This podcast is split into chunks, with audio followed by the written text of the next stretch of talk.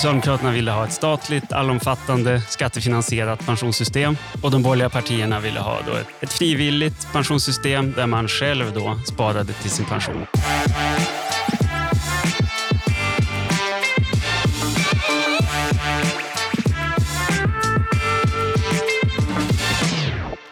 Du lyssnar på Ekonomerna med mig John Norell och Jakob Lundberg. Och eh, Jakob, vi har för lyssnarna en eh, positiv nyhet, och en glad nyhet och en lite tråkig nyhet. Du har fått nytt jobb. Ja, det är den glada nyheten för mig. Precis. Jag ska börja jobba på Finansdepartementet Ja. som politisk sakkunnig åt finansminister Elisabeth Svantesson. Häftigt. Ja, det ska bli jättekul faktiskt. Och vad, är det, vad är det för frågor du ska få arbeta med där? Det blir framförallt skattefrågor, Ja. men, men ja, det som ligger under finansministerns eh, ansvarsområden. Nu har du liksom under många år, hur, hur länge har du jobbat på Timrå nu?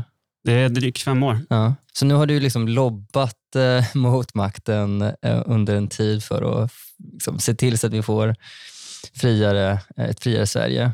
Eh, och nu ska du in eh, i Finansdepartementet. Ja, Mm. precis. Så det, blir ju, ja, det blir lite annorlunda. Det blir eh, vänja sig vid en eh, helt annan roll. Mm. Men eh, det tycker jag ska bli kul. Man har ju hört mycket om, om Finansdepartementet och att det, är lite mytomspunnet. Många kompetenta personer som jobbar där. Mm. Och eh, de, Den politiska staben är ju också väldigt många bra personer som jobbar där som jag känner sedan tidigare, många av dem. Mm, mm. Men ja, den tråkiga nyheten är ju då att jag måste lämna Timbro förstås. så det kommer sluta som chefsekonom och att jag inte kommer spela in den här podden längre. Så det här blir Nej. faktiskt då mitt sista avsnitt. Så det blir du som får bära vidare den här stafettpinnen.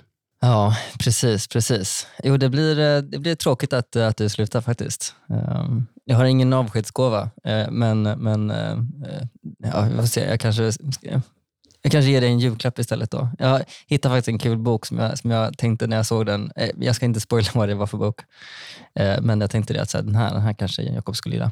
Jaha, ja, vad snällt. Mm. Och det är ju till och med klart vem som ska bli nästa chefsekonom. Ja, och jag är väldigt glad över att den här personen kommer ta över. Det är en person som vi känner väldigt väl och som dessutom har varit med i podden tidigare. Till och med, exakt. exakt. Och vi har honom, honom till och med på tråden. Hej Fredrik! Det har ni. Hej, hej. Eh, välkommen till podden.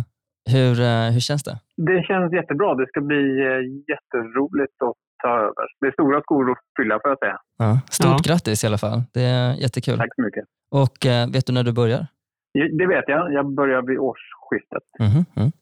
Fredrik eh, Kopsch, du är ju docent i fastighetsekonomi och eh, senior fellow här på Timbro sedan två år tillbaka. Precis. Och du var ju med här också för två avsnitt sen var det väl, när vi pratade om reglerade hyror. Det gjorde jag. Och det har ju varit ett av de områdena som jag har drivit kanske mest de senaste ganska många åren. Hur känns det nu att du ska, liksom, nu ska du ju ägna, ägna dig åt alla möjliga typer av ekonomiska frågor. Det tycker jag är jättespännande. Så det är dels möjligheten nu att kunna få liksom bredda sig och diskutera eh, en, en större spann av liksom ekonomiska frågor som, som egentligen i ganska stor utsträckning kommer att ha samma liksom drivkrafter som jag haft tidigare. Liksom mina drivkrafter i att diskutera regleringar på bostadsmarknaden har varit att jag vill underlätta för alla människor, eller skapa liksom ett regelsystem som underlättar för alla människor att, att i, i liksom den mån det är möjligt för dem förverkliga sig själva. Ta sig in på bostadsmarknaden är liksom ett jätteviktigt steg där. Men det finns så många andra hinder som, som, som hindrar människor från att komma in på, eh, på arbetsmarknaden. Till exempel så har vi mängder med, med olika typer av skatter som, som, som snedvrider och försvårar att anställa människor. Men vi har också andra typer av regleringar förstås, Mm, som ställer sig i vägen. Känns väldigt tryggt att lämna över till dig Fredrik. verkligen. Ja, det är bra att det känns så. Och du kommer ju säkert vara med i podden fler gånger då framöver. Precis. Det är väl inte omöjligt. Tusen tack för att eh, du kunde hoppa in och en liten kort intervju här i podden. Toppen, tack så mycket. ha det så gott. Ha det fint. Mm. Det, det tycker jag blir ett jättebra val, att eh, Fredrik Kopskär tar över som, som chefsekonom. Ja. Och det blir ju du själv som får ta vidare stafettpinnen för, för ekonomerna nu i framtiden. Precis, precis. Eh, Det som du har jobbat med sista tiden på Timbro är ju kring pensioner och eh, du har gett ut ett antal rapporter. Mm. Så jag tänkte att idag så ska vi, eh, ska vi gå in lite mer på det. Jag har gjort en podd tidigare eh, om fattigpensionärerna. Det var vår allra första podd till och med. Ja, just det, just det. Och så spelade vi in ett avsnitt som heter Så får du 50 000 i pension, som handlar om varför tillväxten är viktig för pensionerna. Just det. Eh, men jag tänker nu ska vi prata lite mer om pensionssystemet och hur pensionssystemet har växt fram och vilka olika typer av pensionssystem som det finns. Låt oss hoppa in i det med en gång. Eh, Okej, okay. var börjar vi någonstans då? Vi kan börja historiskt. Alltså, Sverige införde folkpension 1913 och var det första landet i världen som införde då en allmän skattefinansierad pension. 100 år sedan, eller lite mer. Ja, mm. precis. precis. Um, så att, uh, ja, det, det, var inte så mycket pengar förstås, men här höjdes ju lite grann med åren. Um, men eh, ändå så uppstod det då en, en, uh, ett missnöje med de här nivåerna förstås. Uh, men så på 50-talet så uppstod en stor politisk strid kring då pensionerna. och Det var framförallt att arbetarna hade ett missnöje med att de hade låga pensioner. För Tjänstemännen och de offentliganställda de hade tjänstepension då via arbetsgivaren, mm. men det hade inte arbetarna i regel. Ehm, och Då drev Socialdemokraterna då att man från statligt håll skulle införa ett, ett nytt pensionssystem som var kopplat till lönen. Då. Ehm, och Det här kallade de för allmän tilläggspension, ATP. Okay. Mm. Men det här var, de borgerliga partierna tyckte inte att det här var en bra idé, så det här blev en ja, en, en, stor politisk strid. Det var liksom den allra största politiska frågan under 50-talet. Och Då utlyste man också en folkomröstning eh, 1957 om mm. det här. Eh, där Socialdemokraterna stod för linje 1 och så de borgerliga partierna hade då linje 2 och 3. Och I den här omröstningen så kom det fram då de väldigt stora ideologiska motsättningar i pensionsfrågan. Socialdemokraterna ville ha ett statligt, allomfattande, skattefinansierat pensionssystem och de borgerliga partierna ville ha då ett ett frivilligt pensionssystem där man själv då sparade till sin pension, att den investerades på olika sätt. Och Det här är mm. något som vi ska komma tillbaka till. Det är två helt olika sätt att se på pensioner. Är det något som man finansierar med, med skatter ehm, eller är det något som man så att säga lägger på hög och investerar och sen då betalar ut under pensionstiden?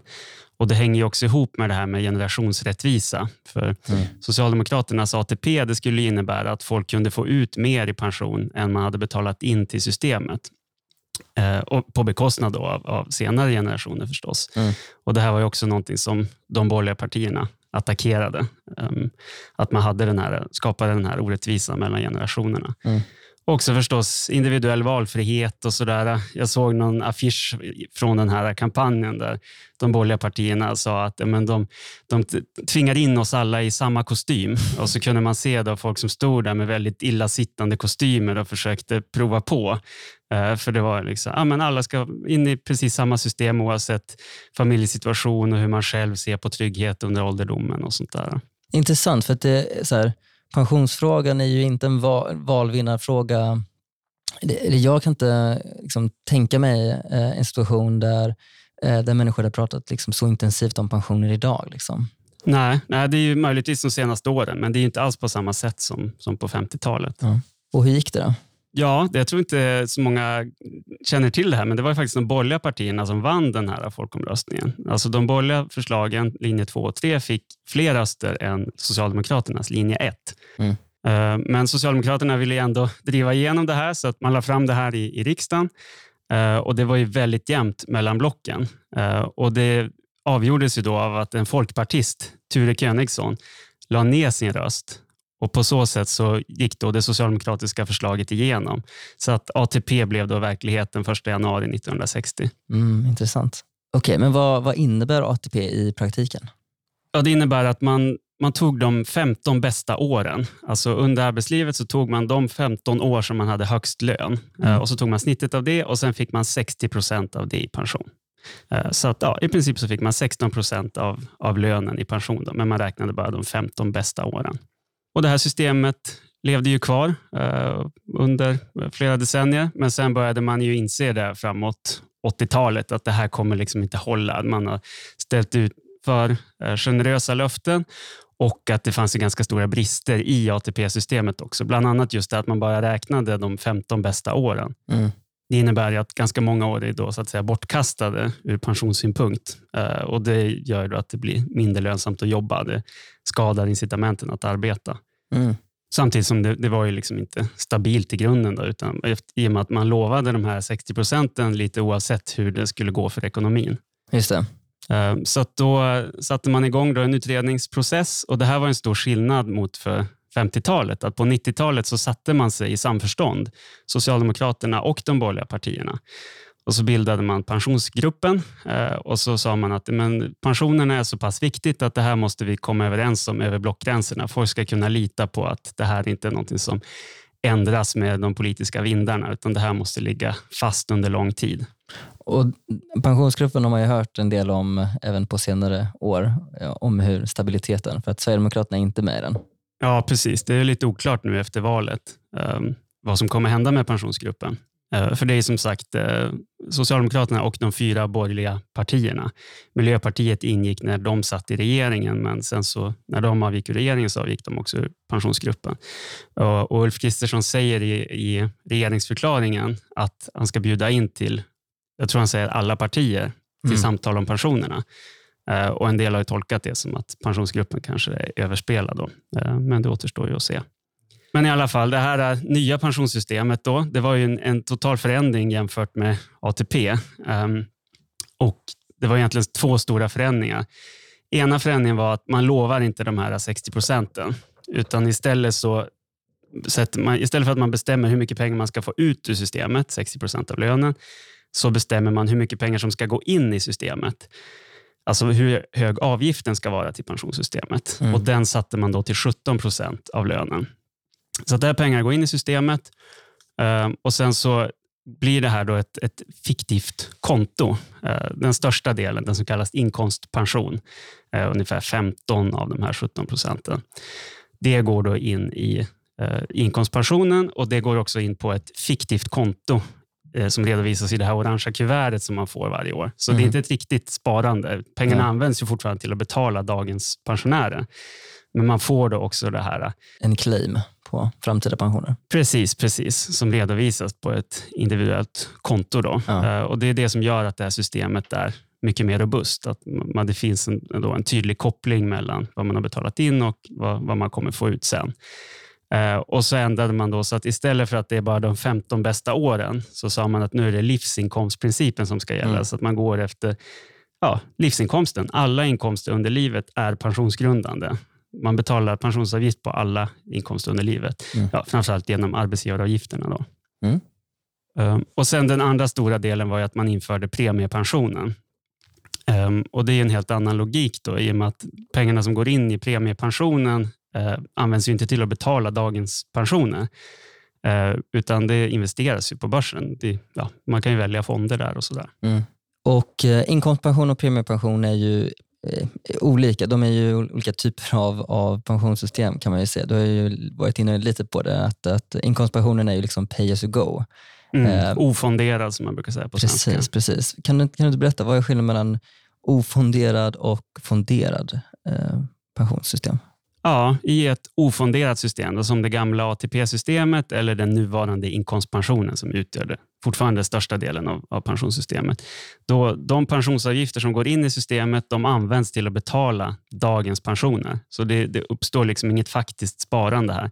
Det finns ju de här AP-fonderna, men det är, det är en ganska liten del av systemet på det stora hela. Det är som en buffert för demografiska förändringar som eh, 40-talisterna var ju väldigt stora då, så mm. det var en stor åldersgrupp. Så att då bygger man upp de här AP-fonderna under en övergångsperiod. Hur avgörs hur, stora, hur mycket som ska gå in i de här AP-fonderna?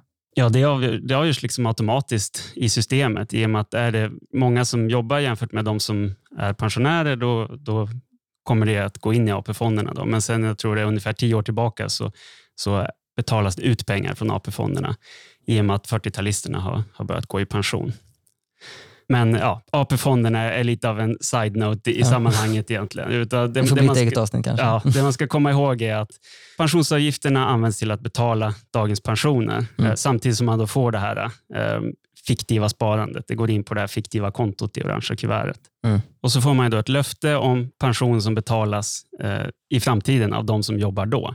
Och Det här löftet är förstås beroende av framtidens löner. Mm. Så alltså avkastningen som man får på det här kontot i orangea kuvertet, det är ju då löneutvecklingen i samhället. Okay. Om lönerna i Sverige ökar med 2% jämfört med förra året, då får man också 2% ränta på det här fiktiva kontot. Och Den andra sortens system det är då som premiepensionen då, som är fonderad. Och ja, det, det är betydligt enklare. Där helt enkelt pengarna som man betalar in det investeras på något sätt i fonder, aktier, obligationer eller något sånt där. Och avkastningen beror ju på hur, hur de avkastar. Då. Mm. Um, och ja, som, som jag var inne på, med ATP-systemet, så att säga fördelen med ett ofonderat pensionssystem, det är att man kan betala pension till de som är pensionärer när man inför systemet, den första generationen. Och Priset för det då är ju att de kommande generationerna kommer få lägre avkastning på sitt pensionskapital i och med att deras avkastning blir då löneutvecklingen i samhället snarare än avkastning på börsen. Ja. Och Vi vet ju att historiskt så är ju avkastning på börsen betydligt högre än vad lönerna ökar. Det där får vi nog eh, utveckla lite. De som, de som vinner på ett ofonderat system, det är den första generationen. Ja, som liksom får ja, men pay as you go. Ja, men de, för de första de behöver ju inte betala in. Liksom. De får ju bara ut. Liksom. Ja, ja, exakt. Men de som förlorar är alla framtida generationer. Och De förlorar i form av att de inte får lika hög avkastning som de hade kunnat få. Ja, ja precis. För de får, de får liksom, eh, motsvarande löneutvecklingen i samhället.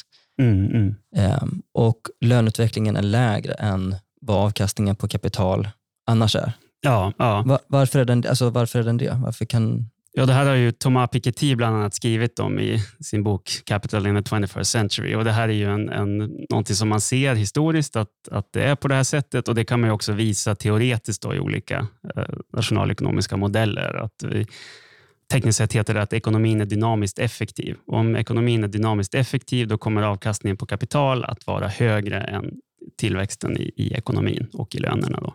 Så både teoretiskt och empiriskt så eh, visar det sig att, att avkastningen på kapital är högre?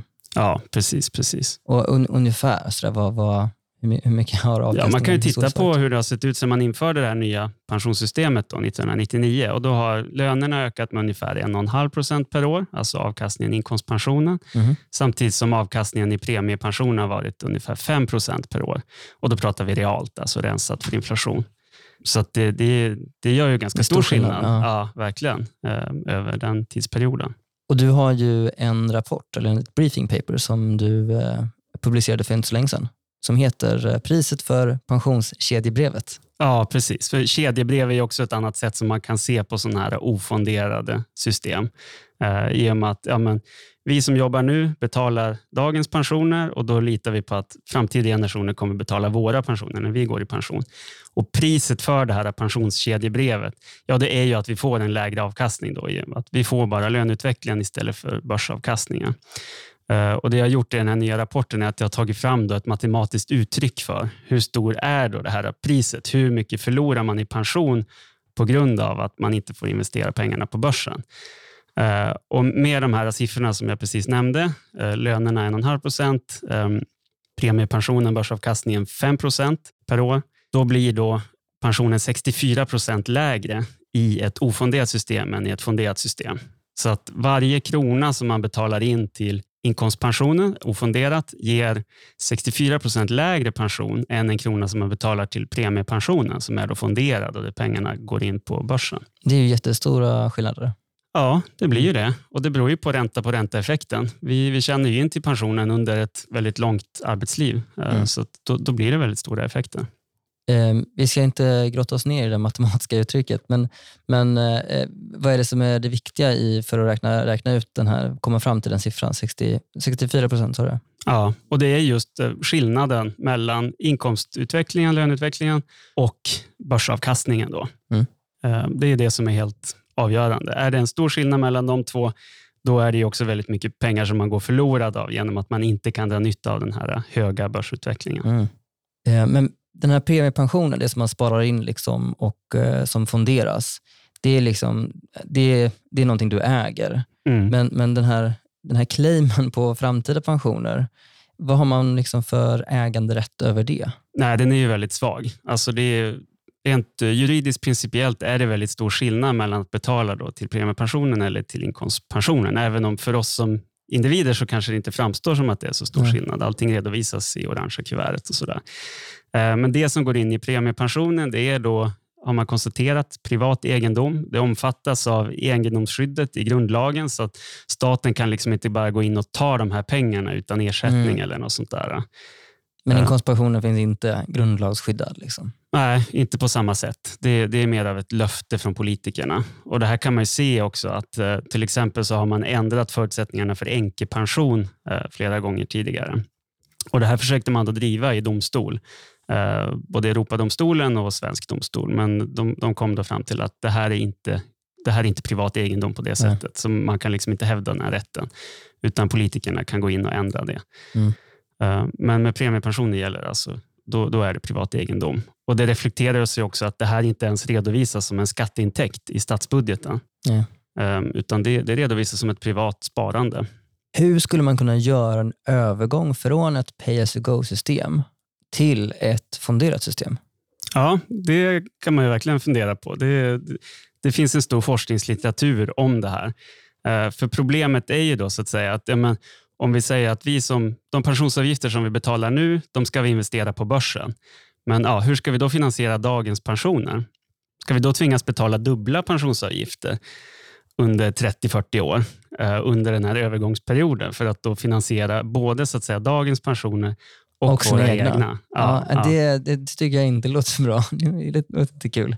Så det, det är knepigt, men eh, jag tror att jag har kommit på en lösning på det här. Så jag kommer snart att presentera, eller ja, jag, kommer, jag kommer inte hinna presentera det här, men Timbro kommer presentera mitt reformförslag efter att jag har slutat, um, som heter fondpension. Då, uh, där jag har skissat på hur man kan göra det här i praktiken och hur man då kan lösa det här problemet med, med så att säga, dubbelbetalningen. Mm.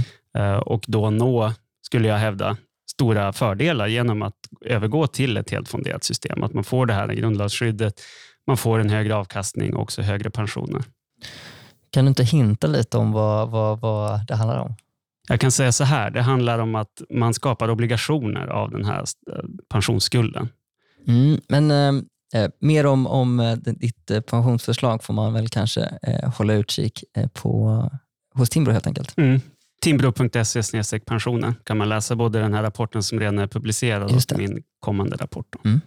Nu när det är ändå dina sista eh, dagar, eller kanske bara timmar, eh, några, några sista reflektioner över, över din tid här på Timbro? Ja, nej, det har varit fem otroligt roliga år. Alltså, det är fantastiska människor som jobbar här. Du har ju varit här lite kortare tid på deltid, men du har väl också märkt att det är otrolig intellektuell miljö här. Ehm, och eh, jag har fått utvecklas jättemycket och fått möjligheten att jobba med väldigt många olika frågor och lära känna nya personer. Och jag har skrivit en bok och jag räknade, jag har släppt en 20-25 rapporter under mm. den här tiden. Och, ja, det här är vårt 24 poddavsnitt som vi spelar in. Så eh, den här podden har också varit väldigt rolig erfarenhet. Mm. Uh, så att, stort tack till dig John. Jag tycker vi har samarbetat väldigt bra med den här podden. Jag tycker vi har utvecklats och, och ja, om jag får säga själv, att vi har producerat 24 riktigt bra avsnitt. Så att, och nu lämnar jag som sagt över den här till dig med, med mm. varm hand att driva facklan vidare. Och Vi ska också tacka vår klippare Marcus Mikaeli som också varit jätteduktig och, och hjälpt oss med det här. Väldigt skicklig. Verkligen, verkligen. Och med det så eh, tusen tack Jakob för eh, den här tiden. Eh, du har lyssnat på Ekonomerna med mig, John Norell och Jakob Lundberg. Om du gillar det här avsnittet, se då till att prenumerera på Ekonomerna i din poddapp och tipsa gärna om podden för dina vänner och bekanta. Ekonomerna är en podd från tankesmedjan Timbro och kommer vanligtvis ut varje torsdag, men den här veckan lite tidigare. Tack så mycket för att du har lyssnat.